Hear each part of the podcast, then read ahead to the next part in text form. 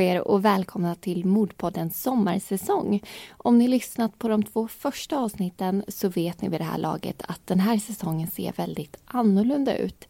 I sommarens avsnitt berättar vi nämligen om Mordpoddens resa och arbetet som ligger bakom det ni lyssnar på.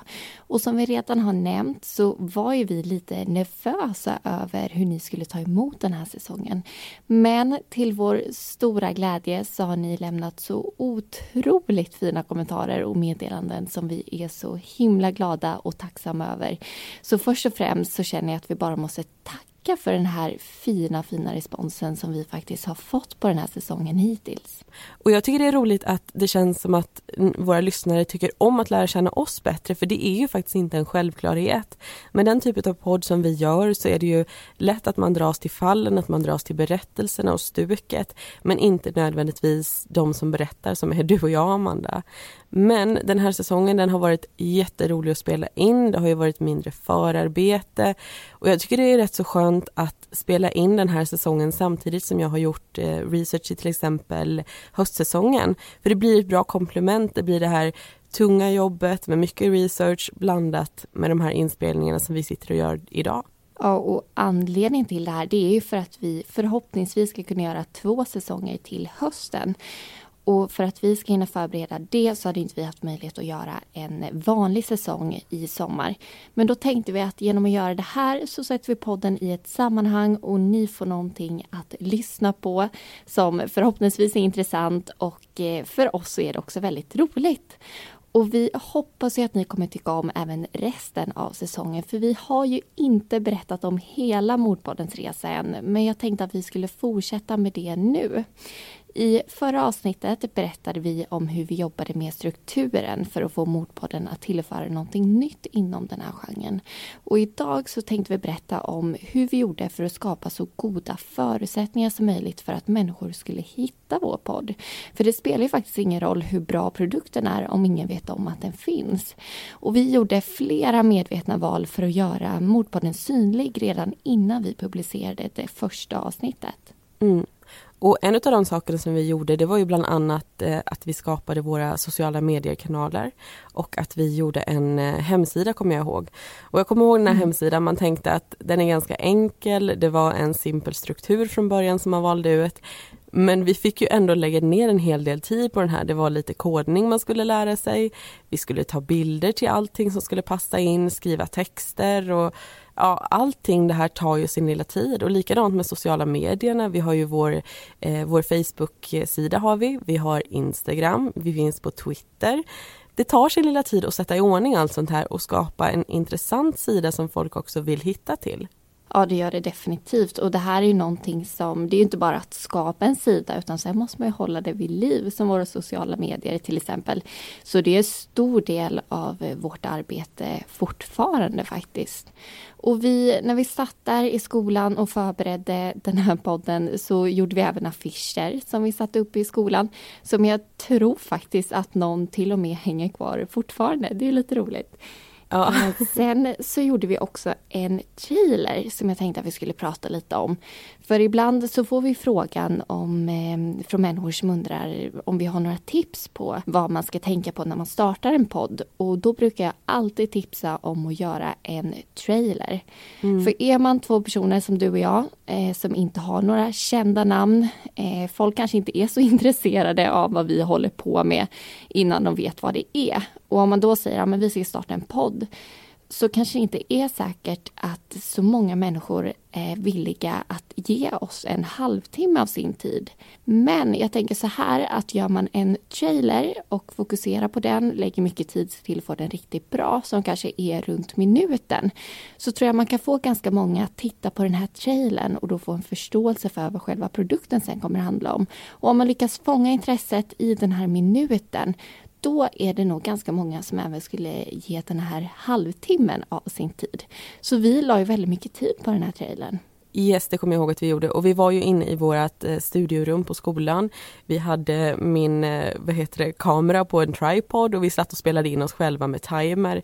Eh, och det här är alltså en videotrailer som vi pratar om så även om man gör ljud mm. så behöver man inte utesluta att använda sig av andra typer av medier. Att man använder video, att använda bilder, att använda text. Alltså, allt det här kompletterar ju varandra så det var ju så vi kände från början att vi ska finnas överallt i massa olika format för att det ger oss chansen att nå ut till flest antal människor. Och förutom den här trailern så la vi också ner väldigt mycket tid på att eh, skapa en bra profilbild också som gjorde att folk kände igen vår podd från allra första början. Och den här profilbilden den tog ju du Amanda och eh, den du tog den på det är ju faktiskt din granne. Ja det stämmer, det är den här miniatyrbilden vi pratar alltså om som, som finns i listorna när man letar efter podd så står det namnet och så är det en liten bild. Och vi tänkte att den här bilden den stöter ju faktiskt en, en potentiell lyssnare på innan den trycker på play. Därför vill vi såklart att den här bilden ska locka till lyssning och inte skrämma iväg. För säg att avsnittet är jättebra men om man inte har en så professionell bild då kanske en lyssnare tänker att ja, men då håller ju säkert själva profilen samma kassakvalitet. Så därför tyckte vi det här var så viktigt. Och min granne då, som också är min kompis ska jag säga, det kanske hade varit lite märkligt annars. Eh, men hon har ju väldigt stora ögon och det var ju en idé vi fick ganska snabbt att vi ville att ögon skulle vara i fokus. För tanken är ju att ögon drar till sig ögon, så tänkte vi i alla fall. Och så tänkte jag på Elin där, min kompis, att hon har ju så stora ögon. Så jag plingade på hos henne och så sa jag, du Elin, skulle du kunna ställa upp på en bild? Det är bara till ett litet skolprojekt. Och det var ju sant då. Men nu har ju den där bilden cirkulerat runt till, till lite fler människor än, än de i vår klass som både hon och jag kanske trodde. Men som tur är så tycker Elin att det här är jätteroligt. Och sen när vi hade hemsida, vi hade sociala medier, vi hade en videotrailer, vi hade affisch, vi hade profilbild. Vi hade jobbat jättehårt med alla de här smådelarna. Då vad heter det, var ju vi redo också att ta kontakt med medier, kommer jag ihåg. Så vi satte oss ner på datorn och vi skrev ett eh, pressmeddelande, inte så professionellt eller officiellt på den tiden. Eh, men vi skrev ihop lite vad det var vi gjorde, vilka vi var och vad Eh, varför vi gjorde det här helt enkelt. Varför vi gjorde en podd om svenska och just i det fallet småländska fall.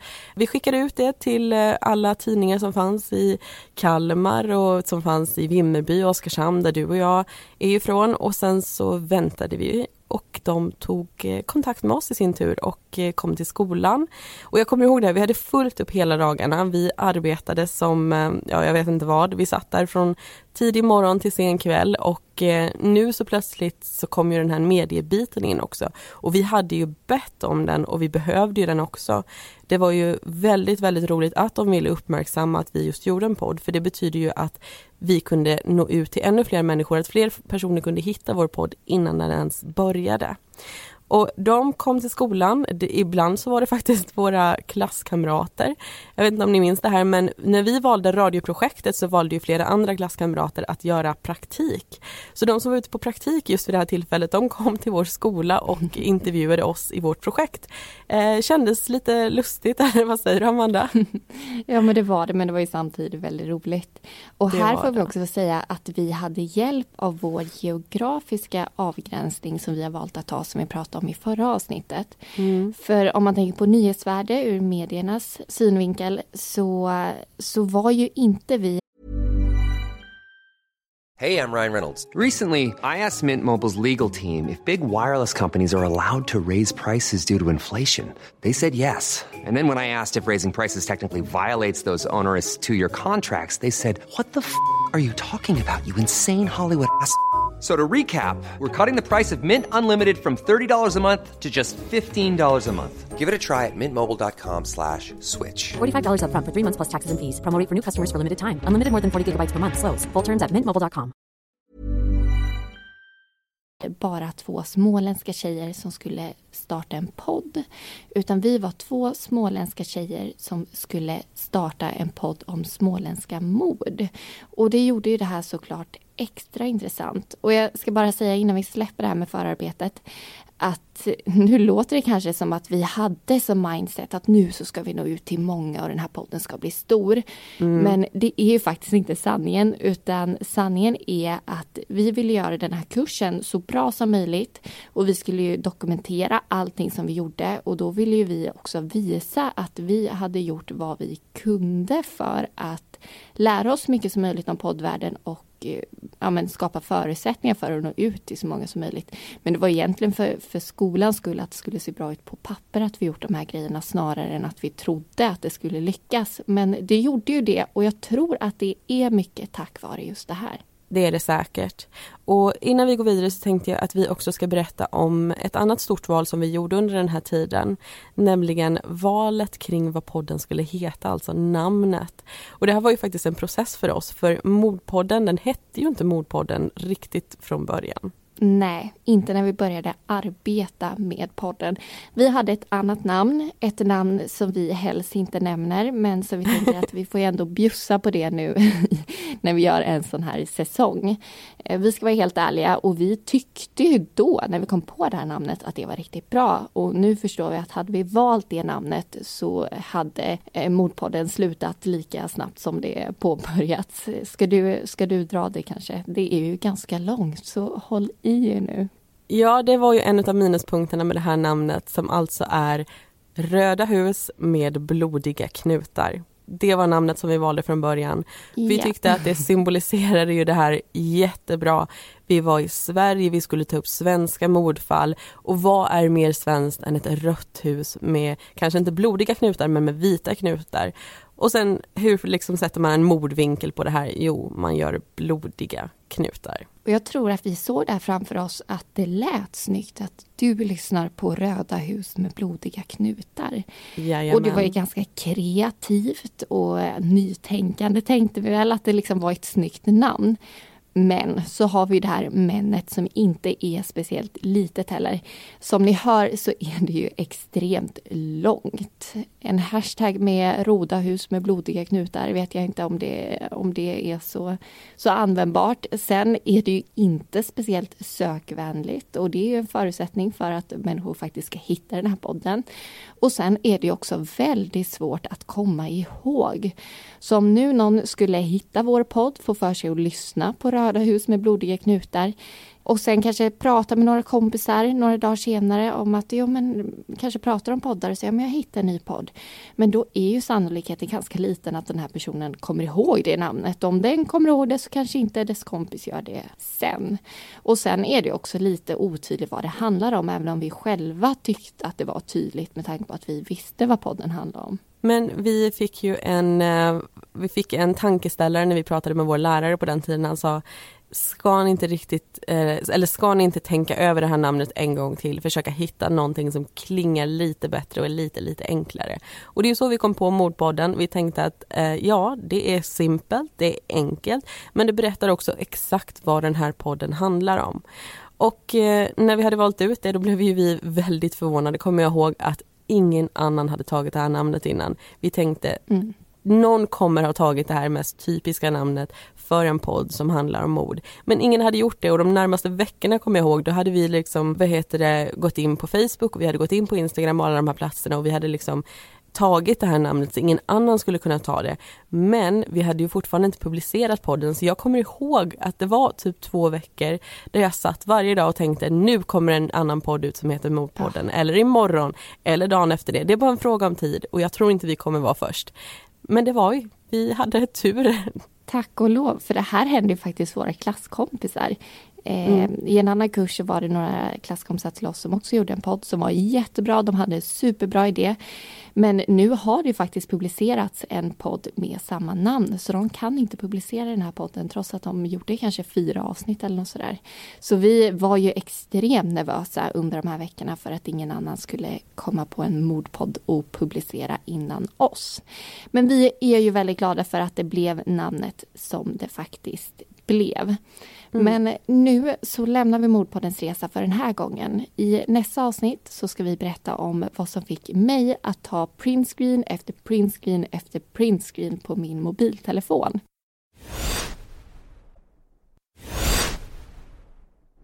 Nu så har det blivit dags för programpunkten Sant eller falskt. Vi kommer säga tre stycken påståenden var om oss själva där två stycken är påhittade och ett av dem stämmer. Och det gäller då för den andra att gissa vilket som är sant. Och jag tycker du kan börja med att dra igenom dina direkt. Det ska jag göra och jag hoppar faktiskt in direkt.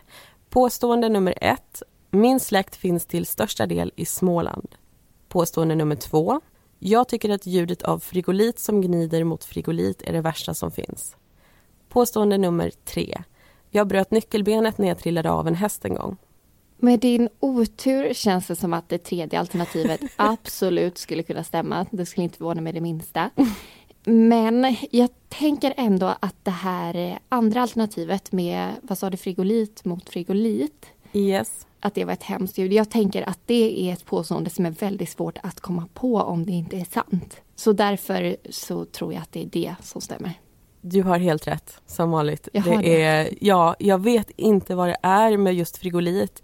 Men när, du vet, när man ska packa upp saker och det är helt packat i frigolit och de där bitarna gnider mot varandra. Jag kan inte jag kan inte befinna mig där, jag måste bara hålla för Asså. öronen och gå ut. Jag tycker det är ett så fruktansvärt ljud. Alltså hellre att någon tar sina långa, långa naglar och drar på en sån här svart tavla, du vet. Hellre det Fy. än frigolit mot frigolit.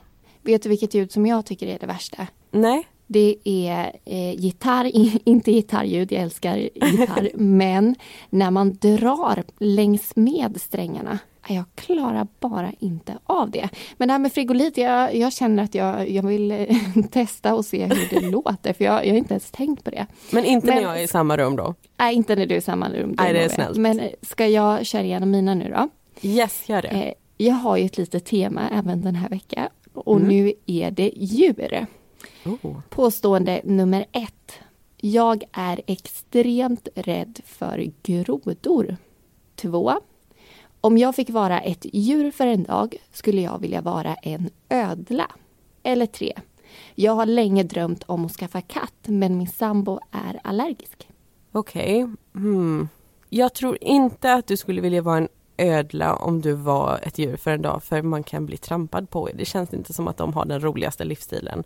Eh, så nej, jag tror du är mer äventyrlig än så. Hmm. Nej, jag tror faktiskt på påstående num- nummer tre att eh, din sambo är allergisk mot katt och att du vill ha det.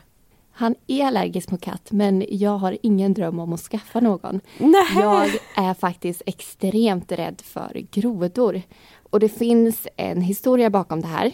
Som Okej. är, den är väldigt osannolik men det finns många vittnen så jag kan garantera att den har skett. Eh, Det var 2007 och det här lät allvarligt nu. Året var 2007. Men jag jobbade som barnskådespelare på Astrid Lindgrens Värld, spelade Ronja. Och parken är uppbyggd på det sättet att man ska fortsätta vara i karaktär även när man inte spelar de här teaterföreställningarna. För barnen som kommer dit tror jag att det är riktiga Pippi, riktiga Emil och riktiga Ronja. Så det här var då mellan två scener och vi satt hela gänget med alla rövare runt ett bord. Och jag satt bredvid Lovis, alltså Ronjas mamma och det var massa barn runt omkring och vi satt där. Och helt plötsligt så kommer en rövare fram med en stor, stor, jag vill inte ens kalla Head over to Hulu this March, where our new shows and movies will keep you streaming all month long. Catch the acclaimed movie All of Us Strangers, starring Paul Mescal and Andrew Scott. Stream the new Hulu original limited series We Were the Lucky Ones with Joey King and Logan Lerman. And don't forget about Grey's Anatomy. Every Grey's episode ever is now streaming on Hulu. So, what are you waiting for? Go stream something new on Hulu. Hey, I'm Ryan Reynolds. Recently, I asked Mint Mobile's legal team if big wireless companies are allowed to raise prices due to inflation. They said yes. And then when I asked if raising prices technically violates those onerous two year contracts, they said, What the f are you talking about, you insane Hollywood ass? F- So to recap, we're cutting the price of Mint Unlimited from $30 a month to just $15 a month. Give it a try at mintmobile.com slash switch. $45 upfront for three months plus taxes and fees. Promo rate for new customers for limited time. Unlimited more than 40 gigabytes per month. Slows. Full terms at mintmobile.com. groda. Det var alltså en stor padda i händerna. Mm. Och så pussar den här Ronja så blir det en prins. Och jag ryggar tillbaka av ren reflex och ryser till. Och så säger han, men, men Ronja, du är väl inte rädd för grodor? Och då slår det mig att det är väl klart att Ronja inte är rädd för grodor. Hon är inte rädd för någonting överhuvudtaget. Så jag tänker, men jag måste stanna i karaktär nu och säga nej, nej, jag är inte rädd för grodor, men jag tycker de är lite äckliga ibland. Och då säger Lovis, alltså hon som spelar min mamma, att ja, men jag kan pussa den. Så jag ser hur den här paddan närmar sig hennes läppar. Den kommer närmare och närmare och närmare. Och precis när hon ska pussa den så hoppar den ur rövarens händer. Och i det här läget blir ju jag extremt rädd och skriker till. Jag, jag kan liksom inte stoppa detta. Men det som händer sen, det är att jag känner att någonting landar på mitt huvud. Och det är den här paddan, så jag skriker som ett litet barn. Och jag har precis sagt att jag inte är rädd för grodor. Så det var väl enda gången som jag gick ur karaktär under alla somrarna som jag jobbade där. Men alla runt omkring fick ett väldigt, väldigt gott skratt. Men efteråt så kan jag faktiskt knappt titta på en groda. Du, det där var en väldigt häftig historia måste jag säga. Och jag tror faktiskt att jag har hört den innan så jag borde ha satt det här påståendet. Men jag kommer inte ihåg det förrän du började berätta halvvägs in. Jag tänkte nästan att jag, jag, borde under de här veckorna, någon gång borde jag pratat om det. Men Jajamän. ska vi släppa oss nu och fortsätta prata om Mordpodden? Vi lämnar alla grodor bakom oss. Det För närmare bestämt är det ju tänkt att vi ska prata om vår tredje säsong som utspelar sig i Norrbotten och Lappland. Och det här var ju vår första lyssnarvalda säsong. Ja, det var vår första lyssnarvaldesäsong och det var så roligt tyckte jag att de valde just att förflytta sig norrut i Sverige för att jag ville så jättegärna att vi skulle ta upp fall ifrån Norrland och just den här gången så blev det ju Norrbotten och det blev Lappland så vi har möjlighet att återvända dit och ta upp fler fall ifrån flera andra landskap i, i framtiden men jag var så glad att, de, eh, att våra lyssnare ville till samma ställe som jag ville till. Det var, det var kul. Och det var ju också ett väldigt stort hopp ifrån just Skåne. Vi, vi började i Småland, vi hoppade till längst ner i Sverige och sen så hoppade vi till längst upp i Sverige. Eh, så det var ju inte direkt en logisk ordning som vi hade utan eh, vi följde lite det flyt som, eh, som kom vår väg och som våra mm. lyssnare nu var med och valde helt enkelt. Och vi har ju ingen logisk ordning. Vi Nej. tar ju ett landskap som våra lyssnare vill att vi ska prata om. Och sen spelar det ingen roll om det är närheten eller inte. Eh, och vi har ju tidigare pratat om att just närhet skapar intresse. Att vi ville börja med Småland för att vi själva är därifrån. Men jag tycker faktiskt att det här med Norrland var intressant just för att det är så långt bort och okänt på något vis. Att jag ville ta reda på vad som hade hänt där. Så blev det lite tvärtom mm. egentligen mot vad vi sagt innan. Jo men alltså när jag tänker på Norrland då tänker jag på att det är mörkt större delar utav året än vad det här är i södra Sverige. Jag tänker på de här stora skogarna, långa vägar där det knappt syns en bil. Och det är på något sätt den miljön som får mig också att tänka på liksom, här skulle det kunna hända riktigt hemska saker. Så mm. jag tror att jag lockades väldigt mycket av miljön kring Norrland. Att det här är ett ställe där jag vill höra om eh, svenska mordfall, vad det har hänt här uppe. Och ett litet problem dock som uppstod, kommer jag ihåg, det var det här med hur de här platserna uttalades. Och jag kan bara be om ursäkt i efterhand om vi har sagt någonting fel, för det här var inte lätt. Det här är ju städer och orter och platser som vi inte var bekanta med.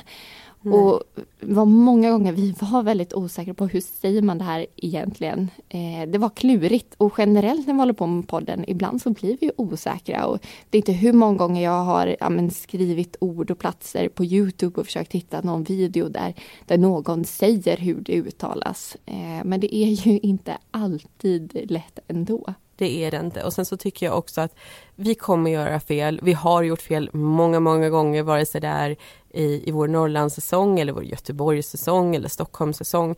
Vi vet inte uttalet på varenda ort i Sverige och vi kommer aldrig veta det. Och vi försöker som sagt ta reda på det, men människor gör fel också. Så är det. Så kommer det bli i fortsättningen också. Och om vi ska gå in på lite höjdpunkter under den här säsongen eh, och under den här tiden där vi höll på med den här säsongen så tycker jag faktiskt att det är att vi fick möjlighet att undervisa på vårt universitet eh, och den utbildningen som vi har tagit examen från i de här kurserna där vi själva hade skapat Mordpodden. Och det var en så rolig erfarenhet att vi fick möjlighet att dela med oss av allt det som vi hade lärt oss under det här året som vi jobbat med podden. Och då hjälpa andra att skapa nya och eh, riktigt bra produkter som vi måste säga att det blev. Ja, det var jättehäftigt tycker jag att få komma tillbaka ett år efter att vi hade lyckats, alltså ett år efter att vi hade gått ut. Att få komma tillbaka som lärare, det är alltid någonting som jag tänkte att jo men det gör man väl när man har 10 års erfarenhet eller 15 års erfarenhet. Men vi fick komma tillbaka så tidigt och det tycker jag är så himla roligt att våra lärare verkligen såg att vi hade kunskap och vi hade erfarenhet som vi skulle kunna dela med oss av och som folk skulle faktiskt kunna alltså, ta nytta av. Och det var så roligt. Det, att lära ut är nog någonting av det roligaste som jag vet. Alltså, och det passar så bra att kombinera med podden tycker jag. Att göra det här tunga researcharbetet, sitta hemma i sin egen värld vid sin egen dator. Och så nästa dag så kommer man till ett universitet, man får träffa massa människor, man får berätta om sina erfarenheter och man får se dem, precis som du säger, skapa fantastiska produkter och ja, det, det är jätteroligt att vara i den världen tycker jag. Och precis som vanligt så ska vi prata om några av de fallen som vi tar upp i säsongen. Och det första fallet från den tredje säsongen vi ska prata om det är Mikael-fallet. Och jag tycker att vi börjar med att lyssna på inledningen av det avsnittet så ni som inte har lyssnat får en bild av vad det handlar om.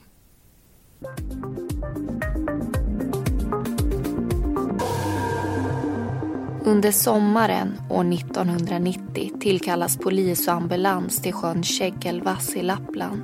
En fyraårig pojke har trillat i vattnet och han andas inte längre. Pojken körs i ilfart till Arjeplog och transporteras sen med helikopter till Boden. Men hans liv går inte att rädda. Polis och läkare gör alla märkliga fynd som inte stämmer överens med det som pojkens föräldrar berättar. Blåmärken, skrubbsår och brutna revben vittnar istället om att fyraåringen utsatts för kraftigt våld. Kanske var det ingen drunkningsolycka, men vad var det då som hade hänt? Och skulle det i så fall gå att bevisa? Där så fick vi alltså en liten sammanfattning utav det här fallet som vi ska diskutera. Och Mikael hade ju vid upprepade tillfällen blivit grovt misshandlad utav sin mamma och utav sin styvpappa. Och när han var fyra år gammal så dog ju han eh, till en följd utav just den här misshandeln. Och efter det här avsnittet så var det ganska många som hörde av sig och frågade om vad som hände sen med både dels då de dömda föräldrarna, eller styvpappa är ju en av dem, och med Mikaels lillebror. Och det var så att efter en tid i fängelse i Sverige så utvisades det här paret på livstid och avtjänade resterande tid i Tyskland. Och lillebrodern, vad vi förstår det som, blev omhändertagen av släktingar i Tyskland och har förhoppningsvis fått ett bra liv där trots den här tragiska bakgrunden. Mm. Och flera av de som har hört av sig de har ju också berättat att de inte klarar av att lyssna på just den här typen av fall. Den typen av fall där eh, barnen är offer. Och det gäller inte bara Mikael-fallet utan det var samma respons som vi fick när vi tog upp eh, Bobbys fall och när vi har tagit upp fall i andra säsonger som kommer längre fram. Och det är ju väldigt jobbigt. Det är väldigt tungt för väldigt många människor att lyssna mm. på när barn far illa. Jag vet inte hur du känner nu Amanda, nu när du har blivit mamma, om det är ännu hårdare än, eh, och ännu svårare än det var innan? Jo, men för, för, du vet ju det att eh, jag har ju alltid haft väldigt svårt för det här. Mm. Eh, jag kommer ihåg när du gjorde researchen till Bobby och du kom till vårt grupprum och du skulle bara berätta för mig om eh, vad du hade läst om i den här domen och jag fick stoppa dig för jag klarade inte av att ens höra dig berätta det för mig. Så jag är ju väldigt blödig när det gäller detta och eftersom jag själv har fått barn nu så är det ju ännu, ännu jobbigare för det är ju så ofattbart. Och du såklart mm. blir också väldigt illa berörd av det här men du är lite tuffare så vi har gjort den uppdelningen att du helt enkelt får gå igenom de här domarna för jag inte klarar det. Ja, tuffare vet jag faktiskt inte om jag ska säga att jag är men jag förstår vad du menar. Eh, jag har på något sätt en möjlighet att gå igenom och läsa den här informationen och att min hjärna på något sätt bara sätter in det i ett sammanhang där det är fakta och inte känslor. Eh, så jag kan läsa om väldigt hemska saker många gånger utan att känna liksom känslorna bakom och känna usch vilka hemska saker den här personen var tvungen att genomlida. Men jag ska säga att det funkar inte alltid och Mikael-fallet var ett sånt fall. Eh, jag kommer ihåg att jag satt och jag sammanfattade och jag skrev om det här. Jag skrev om all eh, misshandel som vi pratade om tidigare, alltså den här misshandeln som pågår hela tiden när de är i Sverige. Och sen när det leder upp till just den här dödsmisshandeln som det hela avslutas med. Ja, och vi ska ju säga det att det vi berättar om i podden, där har ju vi liksom skalat av det enormt mycket från vad vi har tagit del av. Alltså vi tar ju del av så mycket mer detaljer i domarna än vad vi berättar om. Så, så det är ju mycket hemskheter vi tar del av. Som man, även om man tycker att det man lyssnar på är väldigt jobbigt och väldigt tungt så är det ingenting jämfört med vad vi läser. Nej. Och det var just det med den här liksom dödsmisshandeln som allting slutar med. Den blev på någonting, något sätt för mig alldeles, alldeles för mycket. Det bara liksom, det bröts inom mig någonting. Och jag, jag, kommer ihåg det att jag satte mig ner och jag bara kände att det tryckte i magen och det tryckte i bröstet. Och jag mådde så dåligt utav det jag läste och det är någonting som jag inte brukar känna utan jag brukar kunna koppla bort det. Men i just det här fallet så kunde jag inte det utan jag mådde jättedåligt av att läsa hur, hur Mikael miste livet i det här fallet. Mm. Och Det är ju så att en del av en vill ju bara stänga av helt och känna att nej, varför ska vi berätta om det här? Varför ska man lyssna på det här? Kan vi inte bara blunda liksom, för det här är för hemskt för att ta till sig. Och jag förstår att det är många som väljer att inte lyssna. Men trots att det är så tufft och jobbigt så tycker jag ändå det är viktigt att uppmärksamma de här händelserna för de här barnen mm. får ju heller inte glömmas bort. Och det är ju så, det är så lätt att tro att det är väl klart att ingen gör illa ett barn. Det kan man ju inte, och sitt eget barn, det är ju helt omöjligt. Men tyvärr så ser verkligheten ut så att det finns föräldrar som gör illa sina barn. Och det är ju viktigt att vi vet om att det här existerar för att på det sättet kunna uppmärksamma tecken på barn som inte har det bra så att vi kan förhindra att det här sker igen. Och det är just därför vi tycker det är viktigt att uppmärksamma även de här fallen. Mm. Och innan vi går vidare till lyssnarfrågan så vill jag även nämna ett annat avsnitt lite snabbt, nämligen morden vid Akkajaur.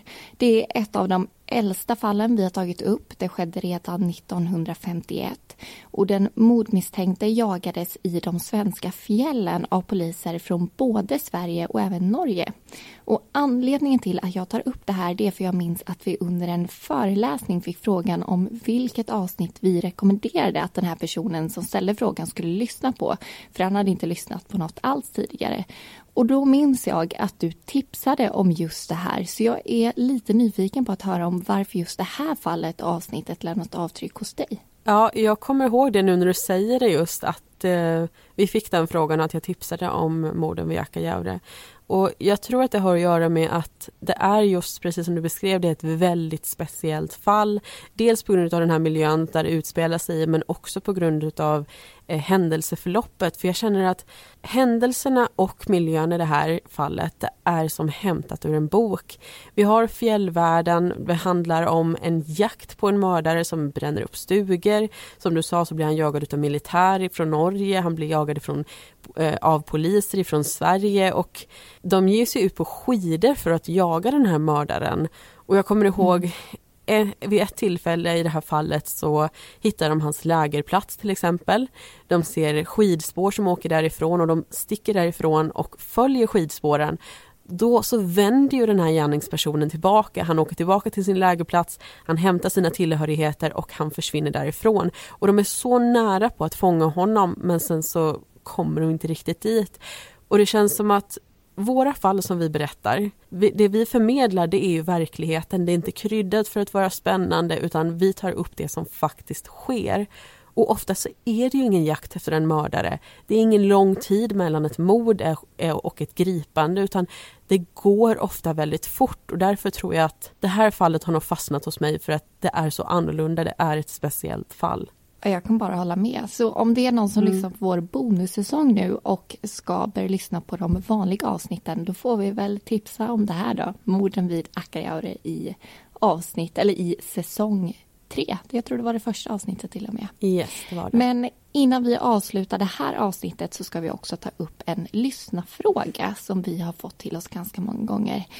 Och det som många undrar det är hur vi går tillväga när vi väljer ut vilka fall som vi tar upp i podden. Och det är ju lite olika faktorer som spelar roll här. Dels så tittar vi ju, när vi gör researchen inför säsong så tittar vi först på säsongen som en helhet att vi vill att det ska finnas något avsnitt som, som passar alla. Att alla ska hitta någonting i den här säsongen att lyssna på oavsett vad man har för intressen och intresserad av. Så därför är det viktigt för oss att skapa variation. Mm. Så vi försöker ha med något äldre, något nyare, att motiven ska skiljas åt och att vi tar upp mordfall från olika platser. Mm. Och när vi har hittat, eh, eller när vi letar efter de här fallen då Dels så lutar vi oss på tips som vi får in utav er lyssnare. Vi har fått in jättemånga bra tips, sånt som vi inte hade kunnat hitta själva. Eh, hederligt gammalt googlande gör jag en hel del utav. Jag läser gamla mm. artiklar och sånt här. Letar i mitt dom och förundersökningsprotokollarkiv som jag har på min dator också eftersom jag är så intresserad så sitter jag och skriver till eh, tingsrätter och hovrätter ibland och samlar på mig lite. Eh, men precis som du säger, det ska ju vara år, motiv och plats ska ju skilja sig men sen så måste man ju också kolla på om det finns en historia att berätta i det här fallet. Är det någonting som bara händer på måfå och det inte finns någonting att riktigt dyka djupare i då är det heller inte ett fall som vi kommer ta upp utan det måste finnas någonting att berätta, finnas någonting att diskutera som gör det intressant nog att eh, föra vidare helt enkelt. Ja, för det är ju inte jätteovanligt att vi har tänkt ta upp ett fall eh, som vi sen eh, väljer bort för att mm. vi helt enkelt inte får tag i, i tillräckligt mycket information till exempel. Det är därför när ni skriver och frågar oss, ska ni ta upp det här fallet? Så kan vi aldrig svara till 100 procent för vi vet inte det förrän vi har påbörjat den researchen på riktigt. Mm. Men det är alltså olika saker som spelar in men jag hoppas ni har fått lite svar på det i alla fall. Och det var ju allting för den här gången det var det och tack så mycket för att du har lyssnat. I höst så är vi som sagt tillbaka med nya fall men eh, redan nästa söndag så fortsätter ju vi med vår bonussäsong. Så kom gärna tillbaka hit och lyssna på mig och Amanda när vi pratar om allt, allt möjligt om tidigare säsonger helt enkelt. Och tills dess så får ni ha det så jätte, jättebra. Hej då!